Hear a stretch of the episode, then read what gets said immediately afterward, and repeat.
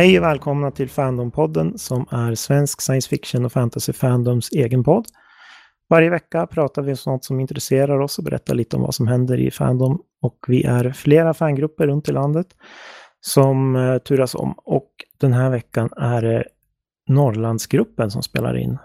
Vi är ett kraftigt decimerat gäng idag. Jag som pratar heter Olof och med mig har jag David. Hallå. Och Nina. Hej hej.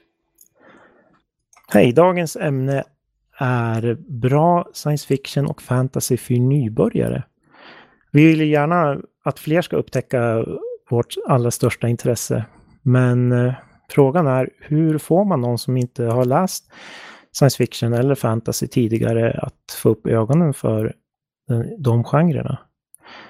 Jag tänkte höra vad ni tror. Går det, går det för sådana som oss att ge generella tips om en bra bok som är den perfekta inkörsporten eller är det mer individuellt? Vad säger du David? Ja, det är nog, jag tror det är väldigt individuellt. Jag själv halkade in på Arthur C. Clarke som jag hittade i farsans bokhylla. Och det är väl kanske inte den lättaste att börja med. Den är ju, det är hård science fiction så man det tilltalar ju nördiga människor. Väldigt nördiga människor. Mm. Och eh, vi som är väldigt nördiga människor, de, väldigt många av oss läser redan SF. Och kanske även fantasy. Ja, det, är lite, det kan ju vara lite svårt för oss som halkat in det liksom av en, av en slump eller vad man ska säga, barndomen. Men eh, vad tror du Nina? Har, Oh, jag är ju ganska ny science fiction och fantasy-läsare, i alla fall att läsa lite mer. Och för mig var det ju så att det började med Blade Runner, den här filmen som jag såg och blev som väldigt fascinerad av. Och sen kom jag på att det finns ju väldigt många djupa moraliska frågor i mycket annan science fiction-litteratur. Och när man sätter ett problem i en lite annorlunda miljö mot för realistiska miljöer så får man syn på problem och moraliska dilemman på ett mycket djupare sätt. Och jag har ju börjat ganska sent att läsa. Men eh, på den första frågan, den här om, om det går att tipsa generellt om böcker, så tror jag att känner man en person väl så kan man nog snappa upp vad den kan vara intresserad av och då kan man ju säkert hitta en bok som passar den. Mm. Ja, för jag har också den tanken att om det är någon som är väldigt, om det är någon som är intresserad av feminism till exempel, även om den inte är van vid att läsa science fiction så borde en sån kunna, kunna vara intresserad av uh, The Handmaid's Tale eller vad heter den, Tjänarinnans berättelse av Margaret Atwood till exempel. Eller Left Hand of Darkness, Ursula K. Le Guin kanske? Ja, absolut. Eller Ann Leckis böcker. Ja, precis. Imperial Rush-teologin som börjar med eh, uh, Ancillary Justice. Mm. Det är också något jag funderat lite på, för ofta uh, tycker jag att när man pratar med, med uh, andra science fiction-fans om, om vad som kan vara en bra startpunkt så är det många som nämner de här lite äldre verken. Alltså som Asimov eller Clark eller Heinlein. Men frågan är, är det en bra idé att börja bakifrån och jobba sig framåt? Eller är det roligare att läsa något modernt som, som Ann Leckie till exempel? Vad tror ni? Ja, det är ju också väldigt individuellt, men för mig kan jag säga att det har varit väldigt roligt att upptäcka en del moderna böcker och också sådana pristagare av Hugo Awards och sådana nyare böcker. Mm. Även om det finns äldre pristagare också, men men eh, jag tror också att ett sätt att upptäcka och förstå en bra science fiction-bok kan vara genom till exempel en bokcirkel. Och jag har ju varit med i bokcirklar både i Umeå och här i Stockholm. Och det som är så spännande när man läser och pratar om en bok är ju att man får fler infallsvinklar på boken. Och det gör mig också väldigt intresserad av att gå tillbaka efter att man har diskuterat med andra som är ganska vana science fiction-läsare och läsa om boken. Men jag tror också att det kan vara spännande för någon som har läst mycket science fiction och liksom se och märka någon upptäcka den här världen. Apropå det du pratade från början om Olof, att finna nya fans. Att Mm. det kan vara som en glädje bland den som har varit inne i det länge och se någon se det med nya ögon. Mm. Absolut. Och en grej med bokcirklar är ju att det är nyttigt. eh, allmänt nyttigt för människor i överhuvudtaget att bli utsatta för böcker som de kanske inte skulle ha läst om de inte hade liksom om det inte vore för bokcirkelns skull. Mm. Det var för några år sedan särskilt var det mycket prat om det här att man ska röra sig utanför sin bekvämlighetszon. Att det är nyttigt för en om Eh, och roligt kan det vara också som läsare att, att eh, läsa någonting som inte alls påminner om det man är van vid. Mm. Det är klart om, om, om vi skulle följa det rådet skulle vi läsa någon sorts diskbänksrealism kanske. Men det kan också vara givande. Men frågan är, eh, jag tänkte på det här med, med Alltså- Om en grej jag vill inflika det är ju Ja. science fiction som genre innehåller ju antagligen mycket mer bredd än alla andra genrer tillsammans. När det gäller infallsvinklar och eh, sätt att se saker. mm, Jag tror faktiskt det. Ja, ett om, någon, om någon lyssnar på det här och får lust som inte brukar läsa science fiction, eh, mot förmodan lite grann, men om någon skulle göra det och läser en science fiction-bok och inte tycker om den så är ju tips att testa en till. Ja. ja. och, och fråga, man kan fråga sådana som oss då på, på nätet eller, eller om man känner någon. Säga vilken bok man har läst. Säga, det här tyckte inte jag var bra. Det här är Mm. anledningen till att jag inte tyckte om den. Finns det någonting som är science fiction men som inte alls påminner om det Mm. här? För det ju- finns ju en otrolig bredd. Det finns ju liksom militär science fiction som, som är liksom, ja, krig i rymden och det finns, ja, som sagt, feministisk science fiction. Alltså det, och sånt som är jättemycket inriktat på naturvetenskap, sånt som är väldigt mycket Mm. inriktat på samhällsförändringar. Och ja, det finns hur mycket som Ja. helst. Alltså, en grej som jag kommer att tänka på som jag vill gå tillbaka till. Vi snackade om eh, eh, det var bra, bättre att ha äldre böcker eller nyare böcker. Och, Mm. och jag skulle faktiskt vilja säga att det är nog nyare böcker är nog mycket bättre att använda eh, och rekommendera för nya läsare. Därför att nyare böcker är ofta lätt, mycket lättare att relatera till vår egen nu- nutid och vår, li- liksom, de, de utgår ju från, i sina spekulationer så utgår de ju från vad de vet nu. Eh, gammal science fiction av Arthur C. Clarke och sånt här, och speciellt cyberpunk kan ju kännas väldigt föråldrad. Mm. Så, vilket gör att ja, det känns inte rätt. Som, som, jag älskade ju Mona Lisa Overdrive, tror jag den heter. Av William Gibson Mm när vi läste den i vår bokcirkel här. Och, eh, men eh, samtidigt så har den ju grejer med science fiction som är nära framtid är ju att den åldras inte jätteväl. Nej, som en realistisk vision av framtiden så är det klart att Uh, ja, om, man, om, om man skriver någonting på 80-talet som utspelar sig i nära framtid, då är det en framtid som vi redan har passerat. Och, och det är ingen som får det helt rätt, så det kan ju vara väldigt mycket som är inaktuellt. Alltså, sådana berättelser är väldigt intressanta ur ett historiskt perspektiv. Liksom, för den, man ser ju... Man kan ju se på något sätt vad, vilka rädslor och sånt som fanns på den tiden. Och, och det, jag tror det är nyttigt att läsa sånt också, så jag tror inte det är meningslöst. Men jag tror att det kan finnas en känsla av diskrepans med verkligheten i fiktionen som gör att eh, modernare litteratur är lättare för nybörjare att ta till sig. Mm. Sen när du läser en del moderna böcker så kan du ju upptäcka en del intertexter som får dig att, väldigt, får, får dig att bli väldigt nyfiken på de här äldre litteraturen. Då tänker jag till exempel på sådana böcker som Among Others av Joe Walton. Där det nämns ganska många äldre böcker. Och då blir man kanske sugen också.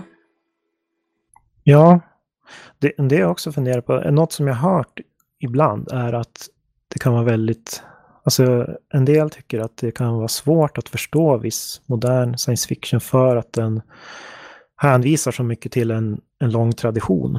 Men jag vet inte om, om det alltid är ett så stort problem. Men det kan vara vissa författare, som Philip K. Dick till exempel, uh, har jag hört att, att hans humor kan vara kan vara svår att förstå för den som inte förstår vilken sorts science fiction han kommenterar, så att säga.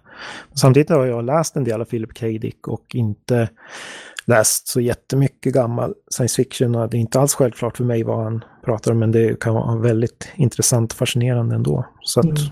ja. Alltså, jag tror ju faktiskt, som vi redan har sagt, att det hör, som vi alla har sagt, tror jag, att det handlar väldigt mycket om smart vad som är bäst att börja med om man känner till. Däremot, något som jag tror är lättare att hitta, det är ju böcker som man absolut inte ska pracka på en nybörjare. Vad är, ett exempel på en sån bok? Eh, allt av Charles Stross. till exempel. Eh, möjligen om den här personen är jobbar som eh, systemadministratör eller programmerare. Då kanske ja. han skulle tycka om Charles Stross, men eh, eh sådana personer, av min erfarenhet, är redan science fiction fanns i regel. Kanske inte alltid, det är väl dumt. Det, det bruk, man brukar få äta upp det väldigt snabbt om man säger att alla i en viss kategori är någonting. Och jag tror inte det här är ett undantag, men, men ja, de flesta i alla fall tror jag. Mm. Det kan ju vara en del som är intresserade av science fiction men som inte direkt läser böcker utan tittar på filmer. Så. Alltså det är en helt annan mm. Eh, fråga hur man, hur man uh, gör folk intresserade av att läsa överhuvudtaget. Men uh, ja, det, det, ska vi kanske ja. inte gå in på just nu. Alltså jag vet inte. Om det är någon som säger att de älskar Guardians of the Galaxy. Mm. Så tror jag inte det är så stor idé. Kanske, de kanske gillar Star Wars-böcker. Men försöker man få, läsa, få dem att läsa någon så här lite mångfaldigare grejer, det kan nog vara svårt. För, eh, jag menar, där, de, där man är ute efter när man ser en film som Guardians of the Galaxy, det är, det är ju fluff action. Mm. Man är inte ute efter något annat. Och är det där man gillar, är det där, då är man ute efter verklighetsflykt. Och då, då kan det vara viss rymdopera och fantasy som man egentligen är ute efter. Mm. Men han, vad heter han nu då som var Hugo-nominerad som har skrivit jättemånga Dresden Files? Jim Butcher, typ hans böcker skulle man kanske kunna rekommendera till någon som, som gillar liksom action. Eller? Ingen aning, jag har inte läst hans böcker. Jag har bara läst den här eh, luftskeppsboken. Med en massa mm. katter i. Den, den var ju trevlig men, men ja, det, i och för sig det, det är väl typ en sån bok som har eh, action och sånt där. Men jag, jag var inte sådär jätteimponerad av den, men den är ju definitivt perfekt som verklighetsflykt. Det är den. Mm. Vad tusan hette den? Ja, The Aeronauts Windlass eller något sådär. Ja, just det. Just det. Det hette det nog. En sak som vi tappar bort lite grann. Nina, när du, du sa att du såg Blade Runner och blev intresserad. Men kan du ge något exempel på någon bok som var bland det första du läste av science fiction och fantasy? De första böckerna jag läste var en urban fantasy. Mm. Som heter Udda verklighet av Nene Ormes. Mm. Det, det, är ju liksom spännande det här när det liksom är lite mellangenre eller lite smalare genre och man kanske tänker, för jag tänkte mycket förut att fantasy kanske inte är riktigt min grej. Och sen läste jag den där som var urban fantasy och då tänkte jag men det här kan ju vara någonting ändå. Och så tänker jag som så att att även fantasy har jag ju, även Ronja Rövardotter och sånt såg man ju som liten så att jag har ju det där intresset någonstans och Willow-filmen och men det är spännande det där det som får en att liksom man, jag var lite sådär att fantasy, nej hjälp, det, det, är lite annorlunda, det är inte min grej, men, men det ligger ändå närmare än vad jag tror, om man säger så. Mm. Har det med Sense of Wonder att göra då, eller är det något annat? Det kom nog smygande för att jag, jag tänkte mig nog att jag var en realistiker som läste realistiska böcker. Men det Mm. kom nog smygande så det var inte sådär att det kom som en insikt eller så, men det kom smygande att jag har ju ändå alltid varit intresserad av viss fantasy. Men Mm. det kan vara någonting, jag tror att det kan också det kommit lite smygande och delvis att det har varit lite sådär upp och ner, att man har faktiskt varit intresserad av fantasy och så kan det ha varit en liten motreaktion och så är man det ändå. Visade sig i slutändan intresserad. Mm. Mm. Men, men vad, vad, hur känner du inför all väldigt tekniknördig science fiction som vi Jag har känner att det, det, det är en rolig fråga, för jag känner ju så här att det finns ju så mycket och jag skulle så gärna vilja begripa det här. Och jag känner mig modig inför det, att jag vågar liksom sätta tänderna i det. Men sen inser jag ju att jag förstår inte det här till fullo, till punkt och pricka. Men eh, den här, det här modet som jag har får mig att ta mig till nästan så fort jag har möjlighet ta mig till en bokcirkel eller googla, fråga liksom. Så att jag känner ju mig modig. Det finns ju inget annat sätt än att försöka traggla sig igenom och fråga de som har läst mer. Mm. Mm. Kan vara... Jag, kan, jag kan säga det, Nina, att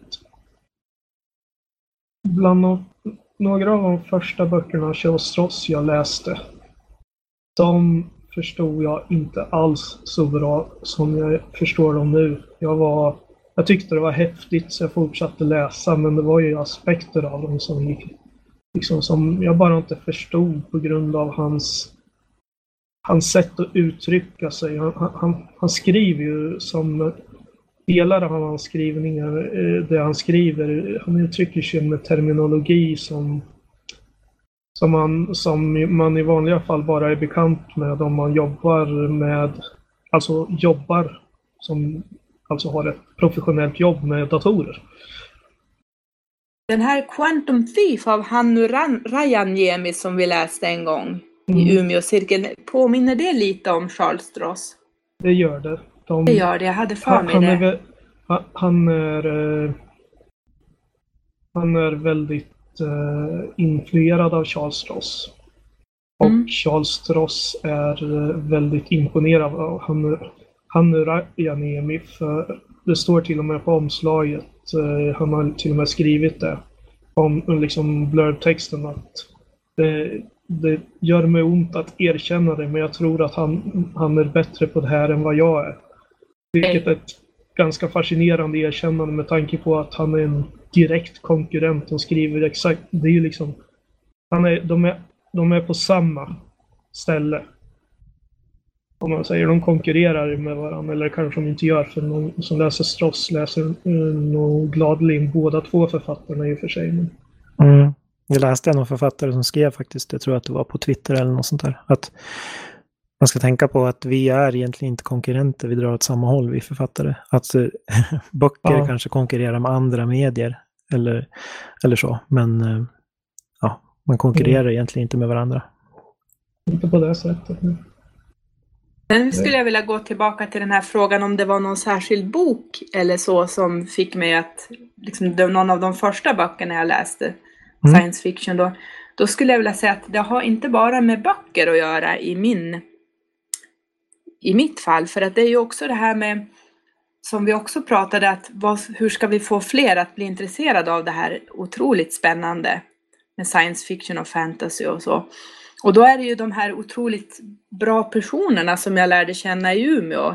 Joakim och David och fler med fler. Ni vet vilka ni är. Så att det är liksom väldigt motiverande att träffa fans tycker jag. Och generellt också. Att det är liksom inbjudande och man, man, blir, man blir nyfiken och man vågar vara modig. Mm. Så att det, just mötet med fans och böcker i kombination är väl det som har fått mig att stanna kvar. Tycka att det känns väldigt spännande. Det är ju härligt att du säger det, för det är ju det som jag tror alla som är engagerade i Fandom vill att ska hända. Exakt så att folk ska hitta till, eh, till genren och, och stanna kvar för att de upptäcker att det finns, ja, att det finns ett umgänge och eh, likasinnande att, att diskutera med. Ja. Det är nästan som man rodnar alltså. Eh, det har ju varit så, liksom på kongresserna ibland så är det, det är ofta paneler om hur man introducerar fans. När de snackar om precis det vi pratar om och det intrycket jag har fått av de panelerna det är att många har, tycker inte det är speciellt lätt att inte skrämma bort nya människor. Och, så det är ju väldigt, väldigt bekräftande på något sätt att höra att eh, man lyckas, att vi lyckas få dig att känna, känna dig så välkommen. Det är sant. Det är kul för mig också att få Mm. bekräfta lite. Ja. Så, ja, det, tack. Jag tror Joakim skulle ha sagt samma sak om han var här. Ni verkar ju vara ett härligt gäng där i Umeå, måste jag säga. Jag bor ju Ja. själv inte i Umeå, jag är den i Norrland som, som eh, bor i Östersund. Men som sagt, det verkar ju jätteschysst med era Ja. bokcirklar och det. Ja, vi, eh, vi är vi är ett gäng. Mm. Jag är lite inaktiv i det fysiska livet just nu på grund av eh, svårt med energi. Mm. Men eh, liksom Joakim ser ju till att det inte dör ut ändå. Så, Ja, så det funkar ändå. Ja, och det är också en, en bra grej att alltså, i en välkomnande rörelse så är det också eh, ett viktigt inslag att man måste låta folk eh, ja, vara mindre aktiva i, Mm. i perioder liksom när, när, när det inte funkar. Ja, precis. Det, man kan ju inte kräva att alla ska vara där hela tiden. När jag var i Lund nu på Lundcon så var det ju någon, något fan som, som var där för första gången, som var liksom var en kongress för första gången sedan 80-talet någon gång. Och alla var ju jätteglada att få se, träffa Mm. honom igen. Så, så, att, så kan det också vara. Mm. Men eh, en annan fråga är ju det, hur lockar vi människor till Fandom som, som redan gillar science fiction och fantasy? Jag har ju en teori där. Eh, att det är lättare, att Fandom är bättre anpassat och att det ska vara så också, tror jag. Bättre anpassat för någon som redan gillar att läsa böcker eh, men som kanske inte läser science fiction eller fantasy än en som gillar science fiction fantasy men bara i andra former, alltså som filmer och tv-serier. Det har vi varit inne på lite grann. Men det är väl lite det som är USPen, för att Mm. använda ett modernt uttryck. Att, vi- att vi håller på med, med fantastik just litteraturform. För det är Mm. inte lika vanligt. Det, eh, film, eh, filmevenemang och, och sånt. Och det är mycket vanligare och lättare att hitta på nätet tycker jag, än just litteratur. Som är inriktad på just de genrerna. Mm. Jag tror också det finns en törst efter litteratur i vår tid.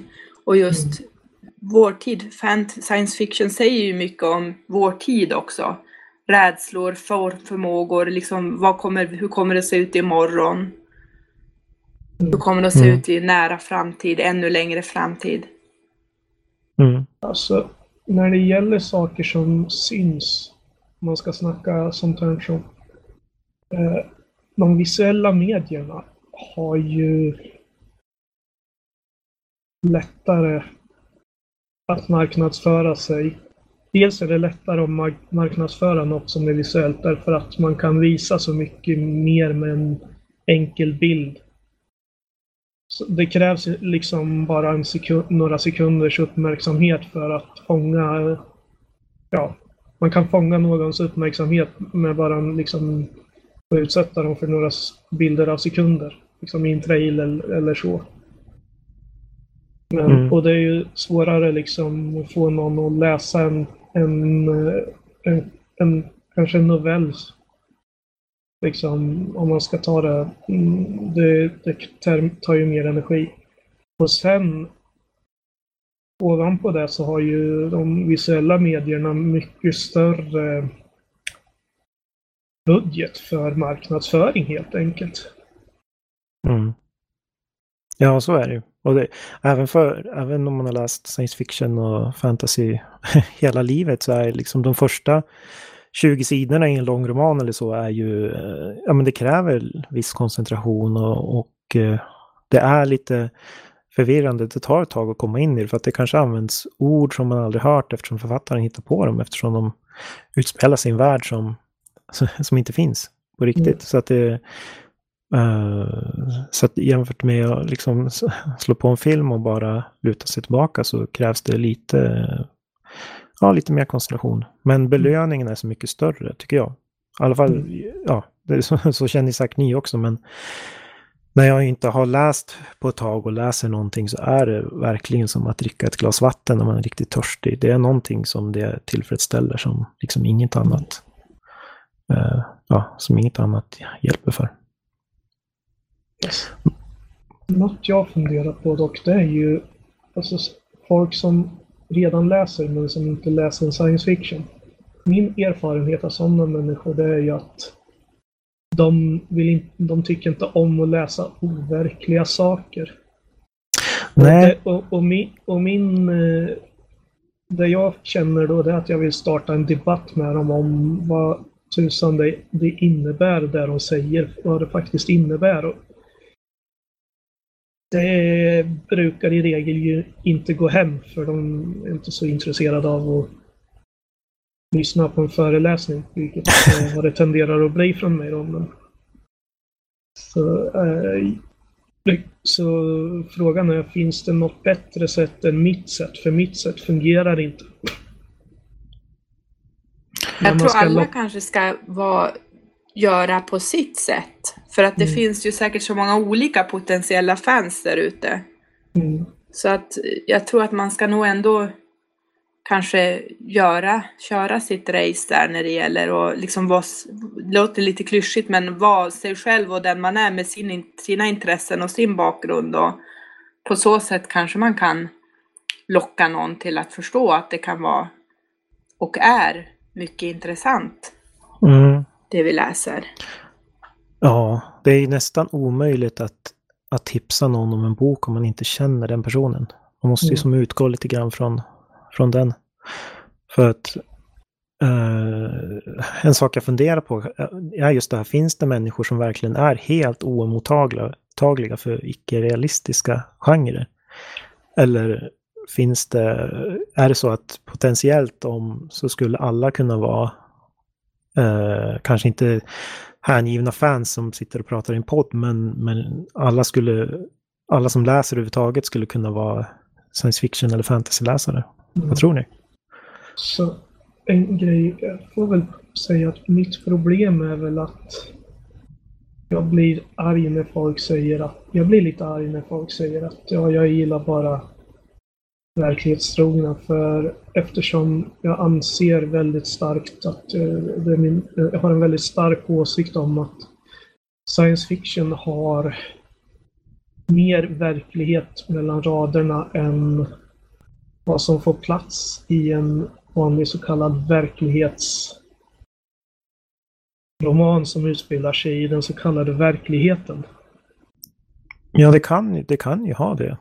I alla fall. Jag menar, om man skriver om framtiden, det går inte att skriva om framtiden utan att skriva om vad som har förändrats fram till dess. Det går liksom inte att skriva om förändringar i samhället eller för människan utan att, utan att skriva om ja, utgångspunkten, det vill säga nuet. Så nuet är liksom alltid närvarande i science fiction, även om det utspelar sig i framtiden. Uh, ja. Jag har en ganska häftig grej. Och mm. det är det att det finns ju en författare som heter Johannes Anjuro som har tidigare skrivit ganska mycket poetiskt och sådär lite mer verklighetstroget. Men han har nu kommit med en science fiction-bok som heter Det kommer att drunkna i sina mödrars tårar. Mm. den tycker jag är väldigt aktuell för den handlar om en terroristattack av eh, då IS eller Daesh som de kallas i en bokhandel i Göteborg. Och det finns jättemånga sådana här nutida paralleller för det är en konstnär som har ritat en sån här Mohammed karikatyr i den. Och det påminner lite om det här med Lars Vilks och det är ju så väldigt mycket debatterat det här med att han har ett sådant skyddspådrag. Och sen visar det sig att en av de här kommer liksom från framtiden, 2030 eller i alla fall en ganska nära framtid. Och där har det blivit väldigt sånt här kontrollsamhälle och dystopiskt samhälle där invandrare är väldigt utsatta. Det är ju spännande det här när författare också börjar förstå liksom allvaret, sådana som har skrivit annat tidigare och börjar skriva mer science fiction tycker jag. Mm. Det är ju ett sätt för kanske andra också som inte tidigare har läst science fiction, om de har läst någonting av en författare som har skrivit något som inte är science fiction och sen läser någonting av samma författare som är mer science fiction. Mm. Så just författarna är ju ganska intressanta där och vad de väljer att, att de kan välja att skriva om sådana ämnen. Mm. Alltså, det är ju...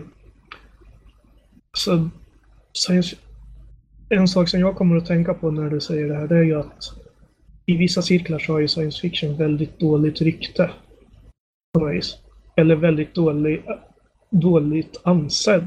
Liksom, jag har ju hört folk säga liksom om Ursula Le Guin till exempel att eh, ofta lärare och sånt där, eh, litteratur, äldre litteraturlärare och sånt där, att eh, ja, men Ursula Le Guin, hon skriver ju inte science fiction eller fantasy. Hennes böcker är ju faktiskt bra. Och det enda, och det enda liksom argumentet de har för att det inte är science fiction eller fantasy är att det är bra. Och därför kan det inte vara science fiction eller fantasy. Det är bra ur ett litterärt, ur ett eh, traditionellt litterärt perspektiv. Och därför så kan det inte vara science fiction eller fantasy. Trots Mm. att om man liksom tittar på de här aspekterna, det som gör det till bra litteratur är ju hur de använder de här science fiction och fantasy-elementen för att berätta en historia som inte hade kunnat och belysa saker som, inte hade, som är väldigt svåra att belysa i en berättelse utan de här eh, fantastiska elementen. Ja, ja absolut. Och, sen, och likadant när, när eh, Doris Lessing fick eh, litteraturpriset i Nobelpriset för litteratur. Så liksom intervjun som SVT gjorde, liksom, de, de, liksom, de sa ju ja, men hur känner du det? Du gjorde ju ett litet snedsteg in och skrev en science fiction. Hur känner du om det? Och, eh, hon var ju häftig. Hon blev ju bara förbannad på henne och sa och liksom Ja. eh, ja, jag kommer inte ihåg vad hon sa, men det, hon, hon höll definitivt inte med om att det skulle vara ett snedsteg och, och skri, att hon hade skrivit science fiction en gång i tiden. Att hon hade skrivit ett, några science fiction-böcker. Nej, nej, Doris Lessing är en av världens Ja. häftigaste människor. Så, så. Ja, Just att Ja. hon uttalar sig sådär och liksom blir arg, det visar ju liksom de som ser ner på det att det är totalt tokigt. Då visar ju författarna, så författarna tycker jag som väljer att skriva science fiction och gå mellan genrer tycker jag har ett ansvar där också. Att liksom bita ifrån om någon säger något sån kommentar i en intervju och så. Mm. Ja, och eh, då, det finns väl exempel på de som inte vågar bita ifrån, men de flesta som gör det är Le Guin och Lessing och eh, vad heter hon som jag tänkte på alldeles nyss? För några sekunder sedan bara. Harry Eh, Martinsson Atwood. skrev ju Margaret. Atwood är ju, eh, är ju definitivt fantastikfan. Ja, fast Vad hon, jag har förstått så hymlar hon inte alls med det. nej, fast det är väl hon som är väldigt noga med att det ska heta speculative fiction. att hon skiljer sig stenhårt på science fiction och speculative fiction. Och det kan ju verka lite snobbigt, men om man tänker efter är det ju bara så här härlig nördighet. Att hon, Ja. att de vill dela in det ännu snävare. Ja. Och speculative fiction, det, det, det, det, det begreppet ska väl innefatta liksom science fiction, fantasy och allting, vad jag har förstått. Ja, ja, precis. Men hon är väl också lite inne på att hennes, hennes verk handlar så mycket mer om samhällsförändringar och så mycket mindre om tekniska eh, ja, förändringar. Så att, så att ja, De det spelar ingen roll. Det, jag, tycker att det, jag tycker att hon skriver science fiction, och, men ja, det spelar ingen roll. men det är tråkigt med att det finns sådana fördomar, men man, ja, man får väl tänka lite grann att det är deras förlust. Och liksom ja, bara visa upp de goda exemplen. Ja. För det finns ju otroligt mycket dålig science fiction och fantasy, det gör det ju. Så man får väl inse att de har väl stött på något dåligt. Det finns ju berg med hemsk kiosklitteratur också. Som Ja, ja, absolut. Har- Harley Quinn-grejerna. Ja, ja, men det är en Exakt. genre som jag kanske har haft lite fördomar mot romance. Eller vad man säger. Men det är, naturligtvis finns det jättemycket intressant och bra litteratur i, inom den genren också som liksom handlar om mänskliga relationer. På Mm. vilket sätt skulle det inte vara viktigt liksom? Och det finns ju science fiction som verkligen fokuserar på till exempel eh, uppföljaren till A Strong, The Long Way to Small Angry Planet. Vad heter den igen? Oj, oj. Nästan samma titel. Nina, vad Lika hette lång. uppföljaren till A Strong, The Long Way to Small Angry Planet? Kommer du ihåg det? Nina? Ja. Eh, Kommer du ihåg vad den hette? Uppföljaren till eh, The Long Way to Small Angry Planet av... Vad han hette. Fan också. fattar den. Men jag, jag kan kolla, kolla upp Ja. det lite snabbt. Jag minns inte, men jag måste verkligen läsa de där böckerna. Jag känner mig som Mm. ett ufo i Ume, eller Norrlands eh, science fiction fandom-sammanhang. När jag inte har läst dem. Ni verkar tycka de är så himla bra allihop. Ja, alltså de... A closed and common orbit. Ja. Just det, den är Hugo-nominerad i år också. Jag hade tänkt försöka läsa allt där och rösta. Så att det är ännu en anledning. Men hörni, ska vi ta och börja runda av lite grann? Vad tror Det ni? skulle vi kunna göra. Vi har ju löst alla världens problem här nu så. Men Eh, jag tänkte att eh, vi ska berätta lite om vad som händer i Fandom framöver. Eh, I Umeå på onsdag den 26 april, det vill säga obs obs, dagen efter att det här avsnittet släpps, om det släpps i tid. Eventuellt är det redan för sent om det, om det händer något. Men då är det i alla fall en föreläsning på Bokcafé Pilgatan, heter det, i Umeå. Klockan 18.30, det är en föreläsning av Anders Öhman på temat Går det att förstå vad som händer med människan och världen genom att läsa science fiction? Eh, det låter ju jätteintressant. Och åtminstone Joakim från, eh, från den här podden ska väl dit. Sen ännu mer bråttom är det till tisdagen den 25, alltså samma dag som det här släpps. Klockan 17.30 i Lund är det pubhäng med Skåne Fandom. Det är alltså sådana här träffar där man träffas, träffar andra science fiction och fantasy-fans och pratar om ditten och datten. Och det är på Glorias Sports Bar. Där var vi på Lundcon en sväng. De hade väldigt goda burritos, kan jag tipsa om. Eh, den 18 maj är det bokcirkel i Stockholm. Så där hinner man läsa om man vill vara med. Det är med föreningen Skandinavisk förening för science fiction. Eh, finns på Facebook. Jag kan eh, säga att boken är Sister Mine av Nalo Hopkinson. Precis. Har du läst den? Jag köpte den igår, så jag har inte hunnit. Nej, jag är också sugen på att läsa den. Hon verkar jättebra. Och hon är ju även hedersgäst på Worldcon i år. Alltså den stora världskongressen som är i Helsingfors i augusti. Den tycker jag att alla som är, har den minsta lust att åka på ska åka på. Om man har möjlighet. För att det är inte ofta, det har aldrig någonsin hänt förut att en världskongress har varit så nära Sverige. Och det är verkligen inget man ska missa. Eh, Kommer du Sen- åka dit alltså? Ja, jag kommer åka dit. Det, Men då syns vi ju där. det gör vi. Ja, det enda, det enda jag inte har gjort är, det enda som inte är klart tror jag är tågresan Östersund-Stockholm. Eller någon sorts resa, men det ska väl ordna sig. Eh, sen är det ju faktiskt snart den nationella kongressen, Svekon. Kontur heter den i år och är i Uppsala.